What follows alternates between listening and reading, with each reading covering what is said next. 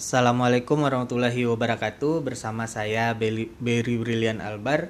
Selanjutnya kita akan membahas komponen marketing mix yang selanjutnya. Setelah produk dan price, selanjutnya kita akan membahas tentang place atau biasa juga disebut dengan integrated marketing channel atau di dalam babnya ini yaitu mendesain dan mengelola saluran pemasaran terintegrasi. Banyak juga yang mendefinisikan uh, place itu sebagai distribution and location karena komponen strategi yang dikelola di sana adalah tentang uh, cara mendistribusikan, menyampaikan kepada konsumen dan mengenai uh, lokasi. Uh, marketing channel atau saluran pemasaran atau place itu adalah sebuah saluran pemasaran atau saluran distribusi uh, yang serangkaian organisasi di dalamnya itu saling tergantung dan terlibat dalam proses untuk menjadikan suatu produk atau jasa siap untuk digunakan atau dikonsumsi. Jadi saluran pemasaran itu ya seperti serangkaian organisasi, serangkaian proses juga dari manufacturing, distributing, distribusi sampai ke uh, wholesaler, penggudangan atau grosiran lalu sampai ke uh, retail. Nah, tahap dari manufacturing sampai produk itu diterima oleh konsumen dari pabrik sampai konsumen, jeda antara pabrik dan konsumen itu disebut dengan place. Jadi semua kegiatan antara uh, setelah produksi hingga produk sampai di konsumen itu kegiatan itu namanya kegiatan place. Jadi di antara itu ada kegiatan pendistribusian, ada penggunaan, penggudangan, ada di wholesaler juga, ada ke retail juga baru sampai ke konsumen. Oke, saluran itu disebut dengan saluran pemasaran atau uh, place. Secara garis besar itu uh, dalam mengelola place ini kita akan ketemu dengan perantara istilahnya karena dia memang di antara produsen dan konsumen ada perantara. Jadi perantara ini banyak. Mungkin perusahaan kita tidak punya uh, sumber daya untuk mendistribusikan berarti kita harus bekerja sama dengan distributor. Mungkin perusahaan kita nggak punya penggudangan atau grosiran kita bisa bekerja sama dengan grosir. Perusahaan kita nggak punya retail ya kita bisa bekerja sama dengan retail. Di dalam rangkaian itu itu ada perantara dan perantara ini harus kita kelola. Sebagai produsen kita harus mengelola perantara ini supaya maksimal penjualan produk kita kepada konsumen. Secara garis besar itu ada dua uh, cara untuk mengelola si perantara ini. Dua materi, dua metode itu adalah push dan pull, tekan dan tarik. Oke. Metode yang pertama adalah tekan. Metode tekan ini biasanya digunakan pada merek yang tingkat loyalitasnya rendah. Jadi mungkin mereknya nggak terlalu terkenal, tidak terlalu dipedulikan oleh konsumen. Mungkin mereknya juga nggak uh, terlalu banyak dibeli oleh konsumen sehingga keputusan pemilihan merek ini dilakukan di toko. Jadi ini produk yang merek-mereknya kadang kita nggak peduli juga yang penting produknya uh, ada. Terserah lah produknya apa terserah lah mereknya apa yang penting produknya itu. Oke? Dan biasa juga untuk produk-produk yang impulse item atau yang tidak butuh waktu lama bagi konsumen untuk memutuskan dan biasanya produk-produk ini khasiatnya atau manfaatnya cukup dimengerti oleh konsumen. Nah, untuk produk ini kita bisa mengelola perantara dengan cara menekannya. Oke, menekannya adalah bisa dengan menekan distributor agar mendistribusikan lebih banyak produk kita, menekan wholesalernya agar menampung produk kita lebih banyak, menekan retailnya agar menjual produk kita lebih banyak kepada si uh, konsumen. Oke, jadi kita bisa menekan uh, perantara ini. Memang namanya menekan, tapi metodenya banyak. Bisa menggunakan reward atau punishment.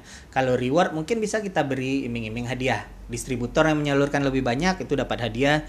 Wholesaler yang lebih banyak nampung barangnya dapat hadiah. Retailer yang bisa jualan lebih banyak itu dikasih hadiah, misalnya kasih hadiah umroh. Sehingga saluran perantara kita tadi, si perantara kita ini tadi semangat untuk menjual produk kita kepada si uh, konsumen. Oke, contohnya begini. Saya memproduksi produk uh, susu kental manis misalnya.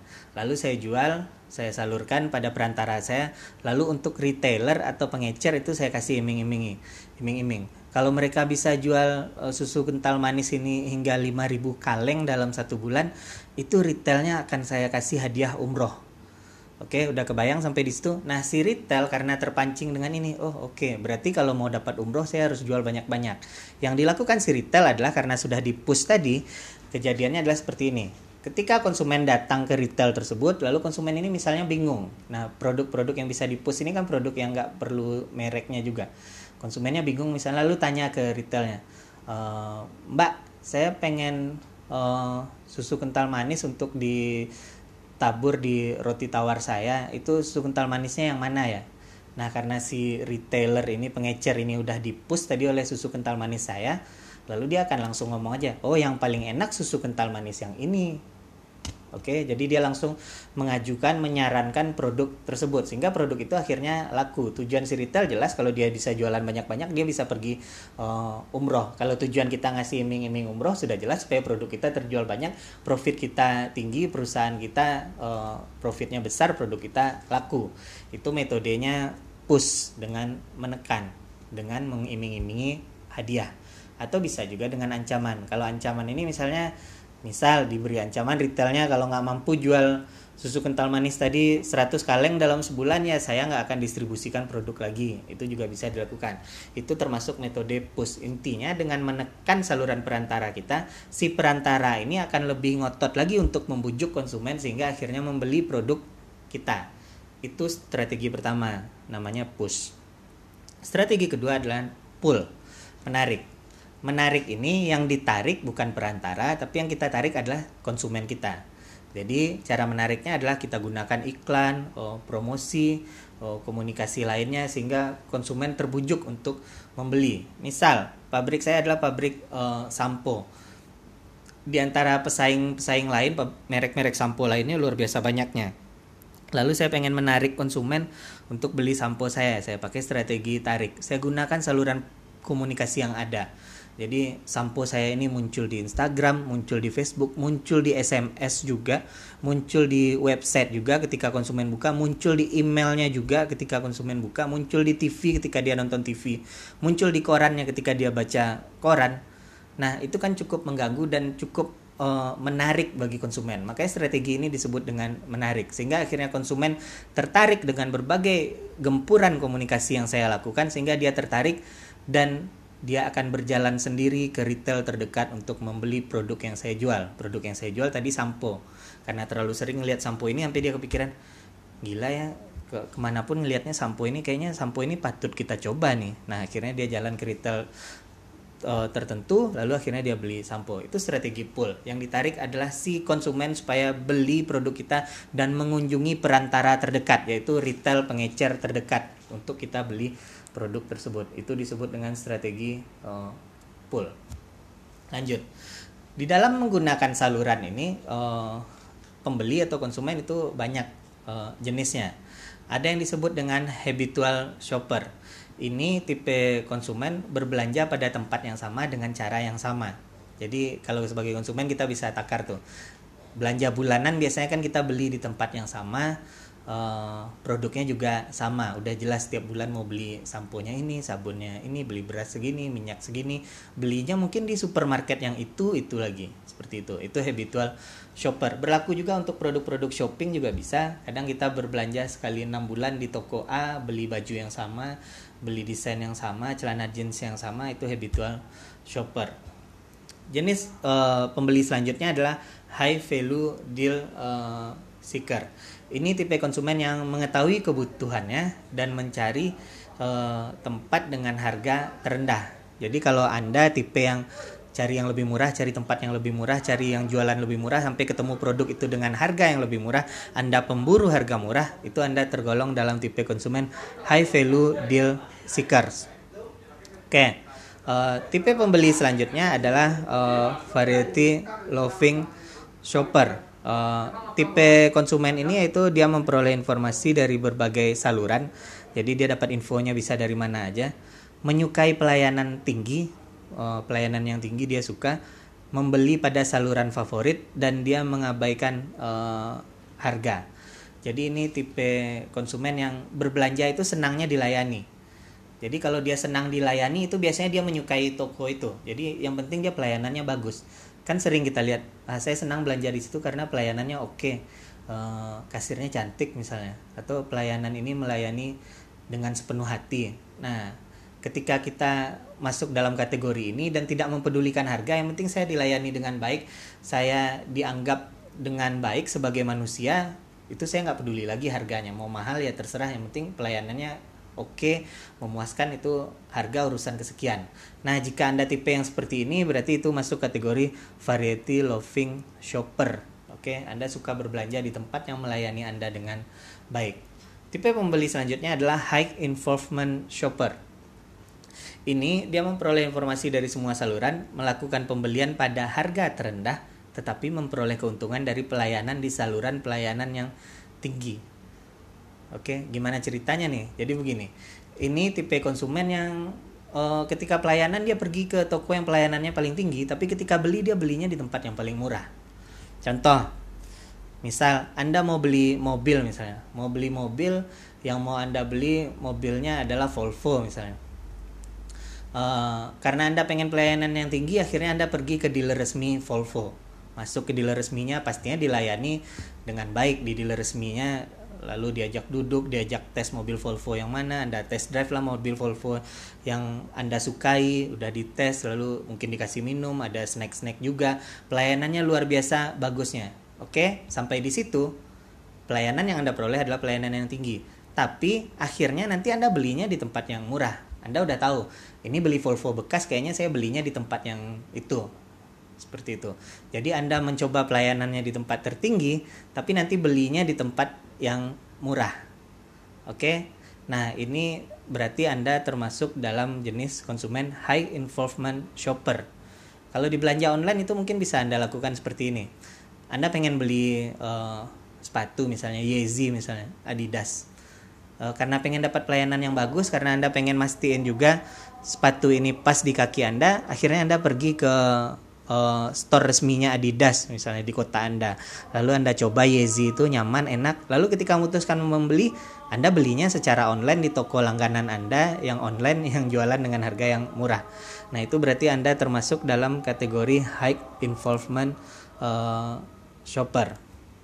Oke, lanjut.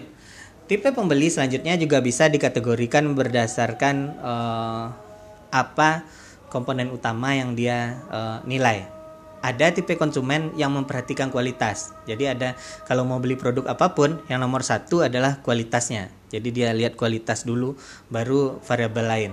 Lalu ada tipe konsumen yang melihat berdasarkan uh, harga. Harga dulu dia lihat, baru variabel yang uh, lain. Tapi ada juga tipe konsumen yang affinity customer. Yang ini tipe konsumen itu e, mencari toko sesuai atau mengikuti panutan. Biasanya ini tipe konsumen yang ikut-ikutan aja.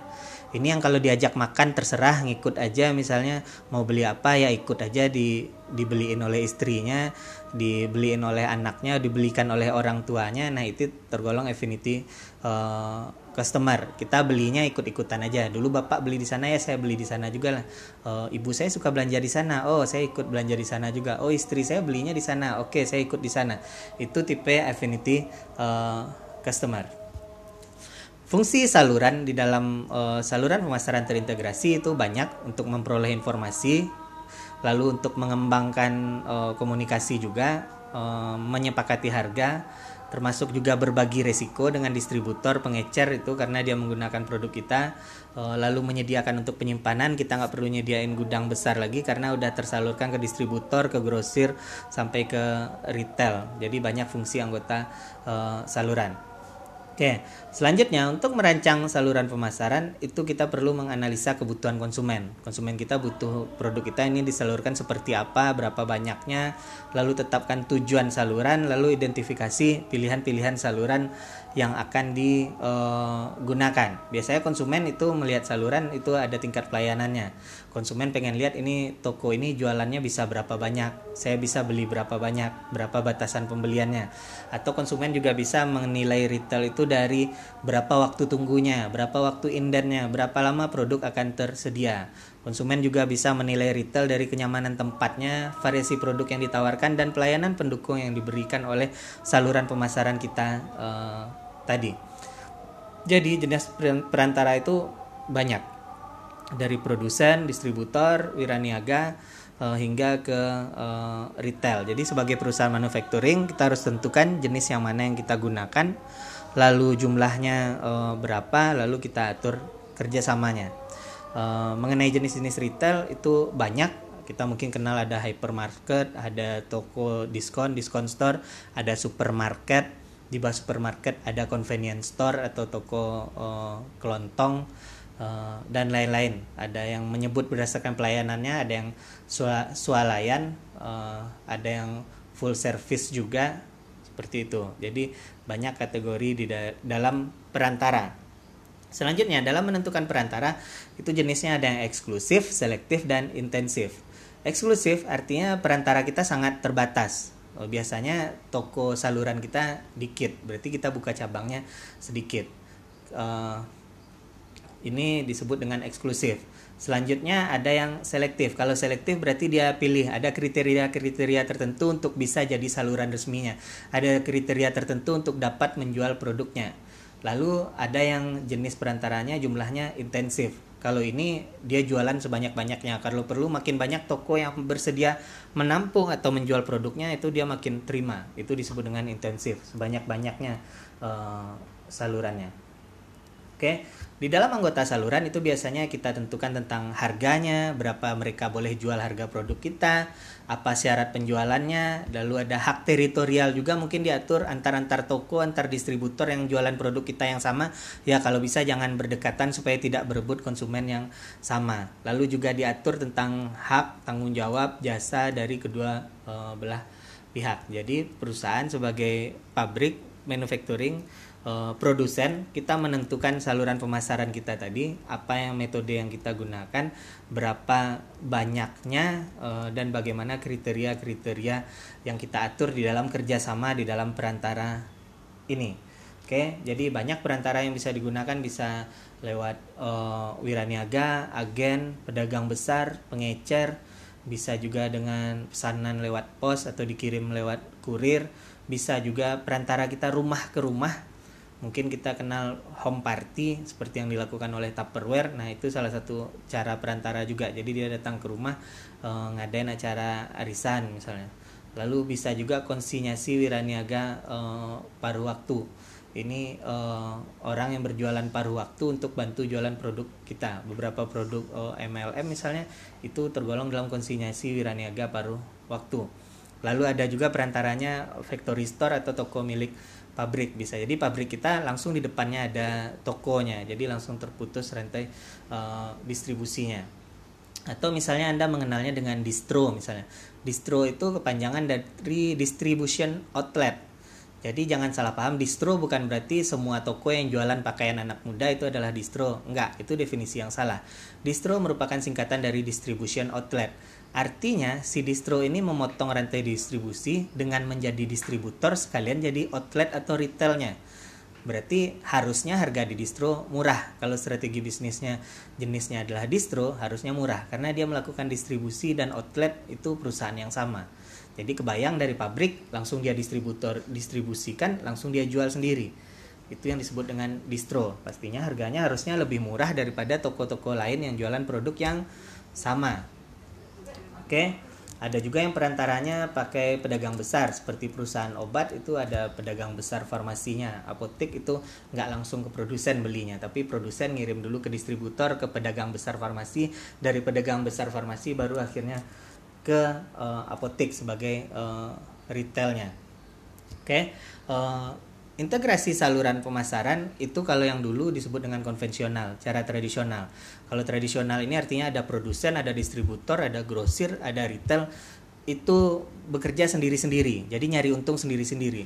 Misal pabrik jual produknya 10.000, nanti distributor suka-suka mau naikin harganya jadi 12.000, nanti si grosir mau naikin harga lagi jadi 15.000, nanti retail juga suka-suka mau naikin harga jadi 20.000. Itu saluran pemasaran yang konvensional. Kalau sekarang saluran pemasaran itu terintegrasi. Jadi ini bedanya dengan yang dahulu.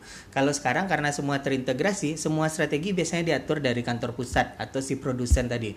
Produsen sudah menentukan distributor boleh ngambil untungnya berapa, wholesaler berapa, retail berapa itu sudah ditentukan dari awal sehingga si produsen bisa tahu nanti ketika harga jualnya nyampe konsumen udah ketahuan. Ini produk kita nyampe konsumen mungkin akan di harga 15.000 uh, per produknya seperti itu.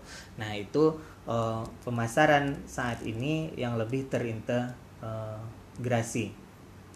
Oke. Okay?